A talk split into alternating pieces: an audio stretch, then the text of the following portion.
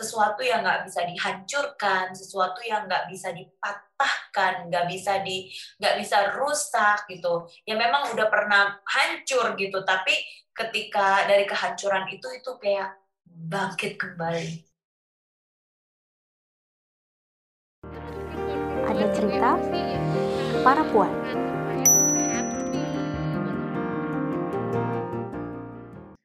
Halo kawan puan, di episode podcast Cerita Para Puan kali ini, kita akan membahas seseorang yang uh, cukup terkenal ketika ada berita soal kecelakaan pesawat yang terjadi. Kalau kawan puan ingat, tahun lalu kita berduka karena ada uh, tragedi uh, jatuhnya pesawat Sriwijaya Air SJ182. Tapi kira-kira 16-17 tahun lalu, di tahun 2004, ada juga sebuah kejadian yang kurang lebih sama, dan itu terjadi di Solo. Narasumber kita kali ini terlibat dalam kecelakaan pesawat yang terjadi belasan tahun silam. Uh, narasumber kita kali ini sudah menjalani pengobatan selama kurang lebih 16 tahun akibat luka berat yang dialami dari kecelakaan tersebut. Um, ke kecelakaan tersebut membuat narasumber kita harus merelakan mimpinya waktu itu, uh, yaitu menjadi seorang pramugari. Lalu ia pernah difonis tidak akan bisa jalan lagi, difonis bahwa kakinya harus diamputasi, dan selama 16 tahun narasumber kita sudah melalui 19 kali operasi di kaki dan 5 operasi di wajah.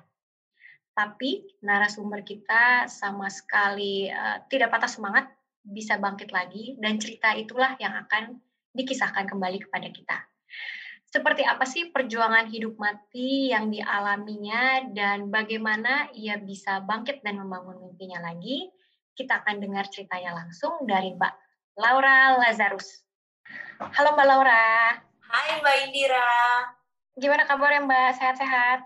Ya, puji Tuhan, sehat. Aduh, puji Tuhan. Keluarga sehat juga ya Mbak? Iya, mamaku, adikku, semuanya oh, sehat. Syukurlah. Syukurlah. Ini memang akhirnya jadi podcast yang rada berbeda ya Mbak ya karena kita kan kembali stay at home ya kembali iya, ke rumah masing-masing. Tapi semoga kita ngobrol-ngobrol tetap tetap seru, tetap enak ya Mbak, nggak iya, siap. tidak terini. Mbak, aku hmm. itu kalau misalnya baca-baca di uh, berbagai artikel gitu ya, hmm. yang paling sering keluar dari hmm. namanya seorang Laura Lazarus itu ya. adalah cerita-cerita uh, waktu masih jadi pramugari. Hmm. Tapi nih Mbak, kalau sebelumnya Mbak Laura itu jadi pramugari, kan Mbak Laura itu akhirnya ada perubahan haluan gitu ya. Uh, jadi penulis, keluarin buku, punya bisnis publishing sendiri, terus akhirnya uh, bisnisnya berkembang lagi uh, sampai ke kuliner. Itu yeah. perjalanannya lumayan seru ya Mbak, banyak uh, banyak pindah-pindah gitu. Beda-beda gitu ya. Iya, iya, iya itu gimana Mbak bisa sampai hmm. berapa gitu? Ya semuanya proses sih, nggak bisa kayak pengennya sih setiap orang pengennya langsung dapat hasil gitu kan. Uh, kita manusia senangnya hasil, tapi memang yang di atas tuh senang kita setia dengan proses gitu. Jadi memang dari kecil aku tuh pengen banget jadi pramugari karena menurut aku tuh jadi pramugari gitu tuh keren gitu bisa traveling, terus deh gitu bisa jalan-jalan ke satu kota terus kota lain. Waktu kalau publishing sendiri itu kan aku uh, memang backgroundku penulis, aku sendiri author. Terus deh gitu uh, ketemu satu kendala gitu. Makanya kita tuh setiap kali kita ketemu kendala kita jangan down dulu gitu. Karena hmm. setiap kendala atau setiap problem yang kita hadapi itu ada something yang mau diajarkan setelah itu gitu. Jadi aku punya kendala um, dari distribusi buku uh, karena tempat aku dulu uh, ini agak kurang maksudnya ya bisa dibilang penerbitannya juga mulai menurun gitu sehingga dia nggak okay. bisa uh, aku nulis semangat banget gitu kan dulu nggak ngerti apa-apa gitu jadi langsung uh, begitu udah buku keluar, oh aku pengen yang lebih more than this gitu karena aku sendiri bisa seperti ini gitu kan. Jadi akhirnya aku hmm. mencoba berbagai macam cara sampai akhirnya ketemu lah gitu. Ya udah, kenapa nggak bikin publishing sendiri? Apa ah. susahnya gitu kan? What's the problem gitu kan? Nah gitu. Kadang-kadang tipikal aku kan kita ada karakter, nah karakternya tipikal aku kan sanguine banget gitu kan. Jadi yang hmm nggak mikir susahnya dulu tapi langsung oke okay, apa yang mau dikerjain langsung kerjain gitu. Jadi uh, setelah aku udah kerjain aku lihat oh baru ketemu struggle baru gitu. Jadi kayak learning by doing gitu. Dan publishing udah jalan ya puji Tuhan sampai sekarang masih ada gitu, dan uh, berjalan. Habis itu dari situ pindah lagi jalurnya ke makanan. Yang orang bilang ini bisnis kalau bisa bilang ini bisnis makanan gitu kan itu berbeda sekali gitu kan.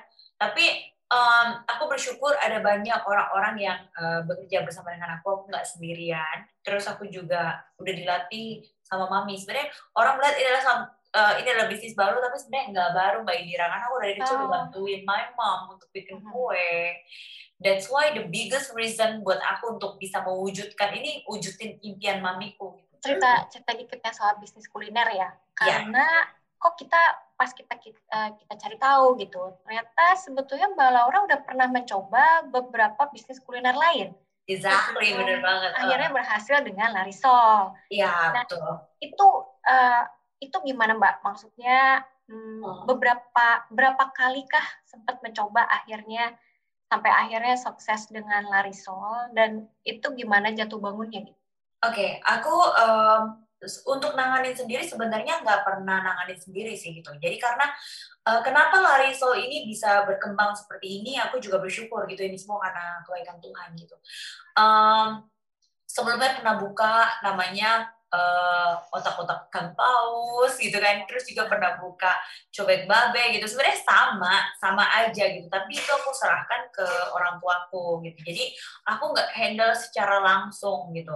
Nah kebetulan Larisol ini sudah ada sebelum pandemik gitu. Dan oh. begitu masuk pandemik akhirnya aku in charge sendiri um, semua yang ya urusin sendiri akhirnya baru oh ngerti ternyata usaha makanan tuh uh, kesulitannya di mana di mana gitu. Tapi Mbak, kenapa malah nggak balik ke bisnis publishing? Tapi kenapa itu nggak jadi fokus Mbak? Kenapa fokusnya terpikir malah kayaknya lebih ke kuliner gitu? Uh, karena aku pada waktu pandemik ini memang kan biasanya saya juga agak selektif untuk publish mempublish buku gitu karena banyak kan untuk buku sendiri sih gitu terus hmm. aku sekarang juga selektif untuk memilih penulis-penulisnya gitu karena pernah juga oh ah itu dia aku pernah ingat aku kena something uh, happen in my life jadi ada orang uh, mohon-mohon minta tolong bikin buku gitu hmm. kan akhirnya uh, kena satu satu masalah yang di mana dia orang ini udah ditolongin gitu kan. Tapi ternyata um, malah balik menusuk gitu. Maksudnya oh, melaporkan oh, okay. kami ke polisi lah dan sebagainya. Dan ah, okay. jadi I've learned I've learned a lot. Dan sekarang kalau bisa bilang I, ya aku thank you gitu. Justru dari kejadian itu uh -huh. aku mikir gini loh. Dari kejadian kalau nggak ada kejadian itu aku nggak mungkin otakku berpikir untuk open perusahaan lain. Kayak usaha Larisol ini dan sekarang Larisol berkembang begitu pesat dalam hitungan cuman nggak sampai dua tahun. Sebegitu hmm. pesat menurutku ini wow. Ini tapi, achievement uh, luar biasa. achievement luar biasa. Tapi apa tuh mbak tadi mbak? Yang mbak bilang karena kejadian itu akhirnya mbak kayak oh uh, ini akhirnya jadi sebuah pelajaran yang akhirnya yes. diterapkan. Itu apanya mbak? Um, a lot, lot of things kami membantu orang tapi hmm. ternyata um, terus kita juga ada surat ininya apa SPK surat kerjasamanya dan sebagainya tapi karena saya punya hati terlalu tulus mau bantu orang sehingga nggak memperhatikan hal-hal yang mungkin yang harus lebih hati-hati lagi harusnya kan dia lebih tanda tanganin dulu SPK I see. apa yeah, gitu yeah, yeah. jadi sehingga memberikan celah kepada orang lain untuk menusuk kita gitu jadi saya berpikir bahwa oke okay, nggak bisa nih ternyata uh, pelayanan sama bisnis itu nggak bisa dijadikan satu. Iya iya iya iya. Ya. Gitu. Jadi okay. kalau memang kita mau tolong orang ya udah gitu itu uh, bedakan gitu bedakan itu gitu. Jadi itu satu terus begitu banyak banyak manajemen lah apalah gitu. Jadi memang ya intinya orang yang mau punya usaha adalah orang yang mau repot gitu orang yang mau repot dan ya, betul betul karena kalau bisnis kita ada perhitungan untung rugi nolong orang tuh malah sering kali kita udah harus siap rugi di depan ya mbak ya exactly gitu ya kalau soal yang uh, bukunya mbak yang jadi national bestseller Unbroken yeah. Wings. Yeah. Uh, jadi kan sekarang, correct me if I'm wrong ya Mbak, berarti sudah uh. ada dua ya? Unbroken yeah. Wings, Unbroken, Unbroken Spirit. Nah, sekarang mau ngerjain yang ketiga atau yeah. sedang ngerjain yang ketiga, Mbak? Uh -uh. Ada lagi kan Kazoku, tapi itu kan nulis bersama dengan mamaku. Coba aku tebak, depannya Unbroken juga nggak, Mbak? Gak, gak, gak, oh, ya. lain. Ini soalnya semacam jadi seri gitu ya, kalau ngelihat sekilas gitu.